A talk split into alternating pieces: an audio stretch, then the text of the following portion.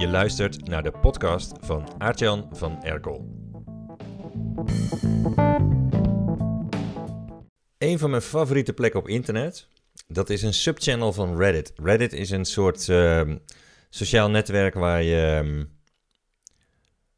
opmerkingen en gedachten kunt eh, posten. Ook met afbeeldingen. Maar het verschil met Twitter is dat je daar omhoog en omlaag gestemd kunt worden. Dus de populairste, eh, eh, op je timelines verschijnen de populairste updates eh, bovenaan. En ze hebben subchannels. En een van die subchannels, dat, die heet Shower Thoughts. En mensen posten daar hun, hun brain farts, of zoals Reddit het noemt, those miniature epiphanies that you have that highlight the oddities within the familiar. Precies, brain farts. En vandaag schreven mensen bijvoorbeeld deze onverwachte eye-openers op. Iemand schreef: Dogs are probably a little disturbed that we never lick them back. Iemand anders die schrijft: Out of all the bank robbers in movies who shot the ceiling for attention, no one ever hit a sprinkler system or a water line. En nog iemand zegt: We usually wouldn't notice if we lost two socks at once. Iemand anders heeft ook een hele diepe. No one is special. Everyone depends on everyone. Zo'n knetterende brain fart, die is heel bevredigend.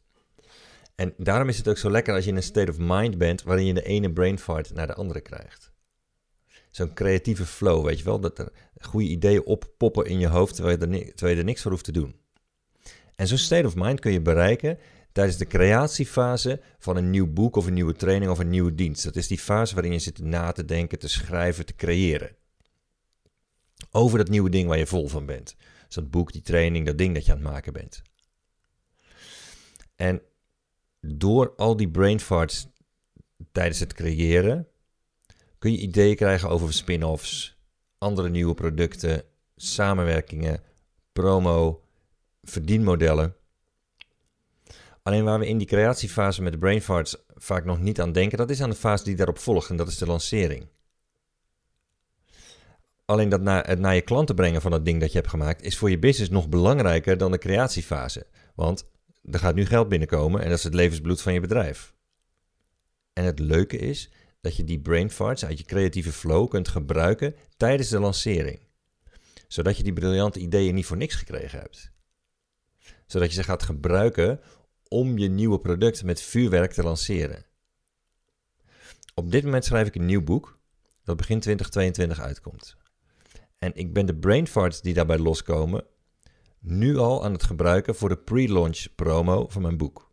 Dus met promotie die ik al tijdens deze creatiefase doe.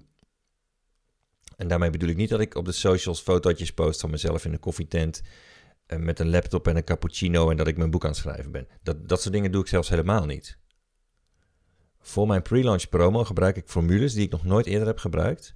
En waardoor ik een grote golf bereik krijg onder mensen die ik nieuwsgierig maak over mijn nieuwe boek, maanden voordat het verschijnt.